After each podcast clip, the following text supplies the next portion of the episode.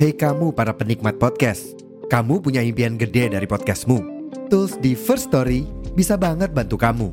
Mulai dari F-Link, Dynamic Audio Insertion, sampai statistik yang komprehensif, semua ada di First Story. Gak ketinggalan, kamu bisa monetisasi podcastmu lewat iklan dari First Story Ads yang bisa kasih kamu penghasilan dari setiap place podcastmu. Yuk gabung sekarang dengan klik di firststory.me. Sekali lagi, di firststory.me. Mari kita bawa mimpi podcastingmu menjadi kenyataan.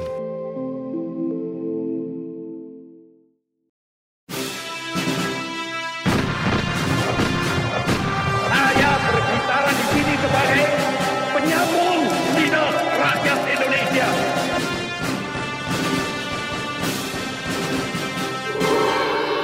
Hai, terima kasih sudah memilih mendengarkan kami, Poseidon, podcast yang bikin kalian gagal move on.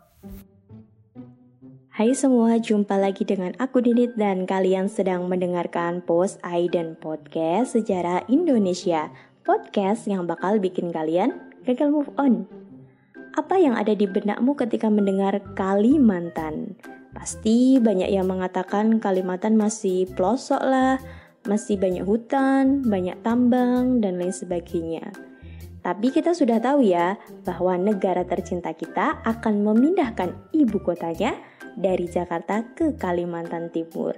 Pastinya kenapa pemerintah memilih Kalimantan itu sudah dipikirkan matang-matang karena melihat potensinya ke depannya Kalimantan akan seperti apa itu sudah dipikirkan gitu. Nah jangan salah juga dari dulu Kalimantan itu juga punya kerajaan Islam yang besar.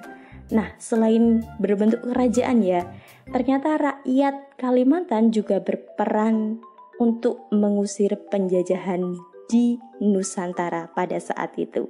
Bagaimana ceritanya? Let's listen up.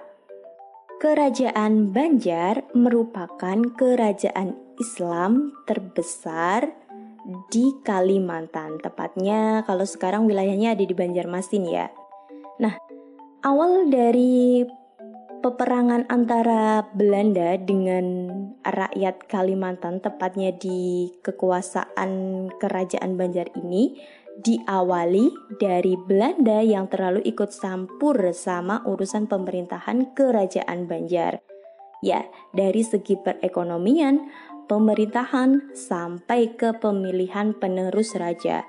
Semua dilakukan Belanda karena mereka mengincar hasil bumi rakyat Banjar seperti lada hitam, rotan, damar, emas, intan, madu, dan kulit binatang. Ya nggak jauh-jauh lah sama sekarang ya di mana banyak investor asing yang mengincar Pulau Kalimantan karena tambangnya ya di mana salah satu tambang terbesar di Kalimantan adalah tambang yang menghasilkan batu bara. Tuh. Oke, lanjut. Kalimantan jadi incaran banyak investor itu karena kekayaan alamnya. Sampai sekarang ya. Sampai puncak dari keikutsertaan dan keikutcampuran Belanda ini adalah ketika Belanda berusaha menyingkirkan penerus kerajaan Banjar yaitu Pangeran Hidayatullah dengan cara mengangkat Pangeran Tajmidillah yang secara garis keturunan gak masuk jadi penerus raja ya Pangeran Tajmidillah ini karena ibunya bukan permaisuri tapi beliau adalah selir ya bukan dari kalangan kerajaan gitulah gitu. Atas tindakannya ini secara otomatis Belanda mendapatkan kerjasamanya dengan kerajaan Banjar ya karena dia dikatakan punya pengaruh lah menjadikan Pangeran Tajmidillah ini sebagai raja dari kerajaan Banjar. Akhirnya Belanda ini mampu menyingkirkan Pangeran Hidayatullah yang notabene nggak suka sama Belanda. Akhirnya membuat rakyat Banjar naik darah dan memutuskan untuk mengalahkan Belanda dan menggulingkan kekuasaan Pangeran Tajmidillah. Perang Banjar dimulai dari tahun 1859 di mana pasukan rakyat Banjar ini dipimpin oleh Pangeran Antasari yang dibantu oleh beberapa orang. Di antaranya ada Tumenggung Suropati, Tumenggung Kartapati, Tumenggung Mangkusari, dan Demang Lehman. Dengan semangat perang visabilillah inilah Belanda sampai kewalahan loh. Bahkan Belanda harus meminta bantuan pasukan yang ada di Pulau Jawa. Belanda akhirnya membuat beberapa benteng pertahanan di daerah namanya Tapin dan benteng Amawang di daerah Kandangan. Pasukan Belanda yang dipimpin oleh Verpich ini beberapa kali kewalahan menghadapi pasukan Banjar. Akhirnya Belanda merancang strategi lain agar bisa mengalahkan Banjar.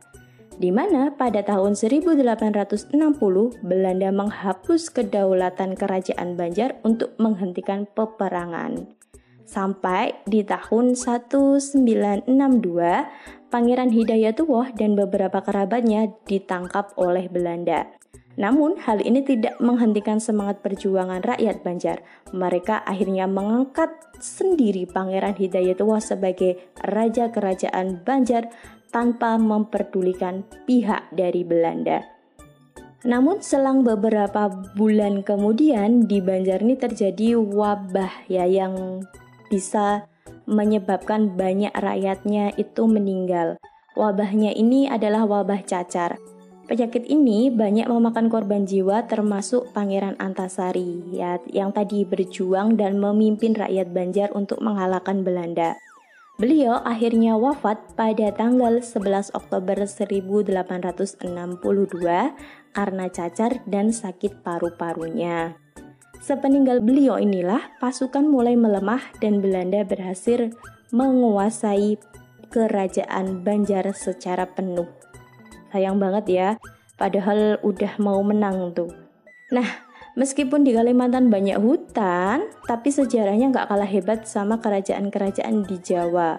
Jadi mau itu di pulau apa pun, di tempat mana pun pasti punya peran masing-masing dalam mempertahankan keutuhan Indonesia. So, jangan luntur ya kalian cinta sama Indonesia. Terima kasih telah mendengarkan. Bye bye.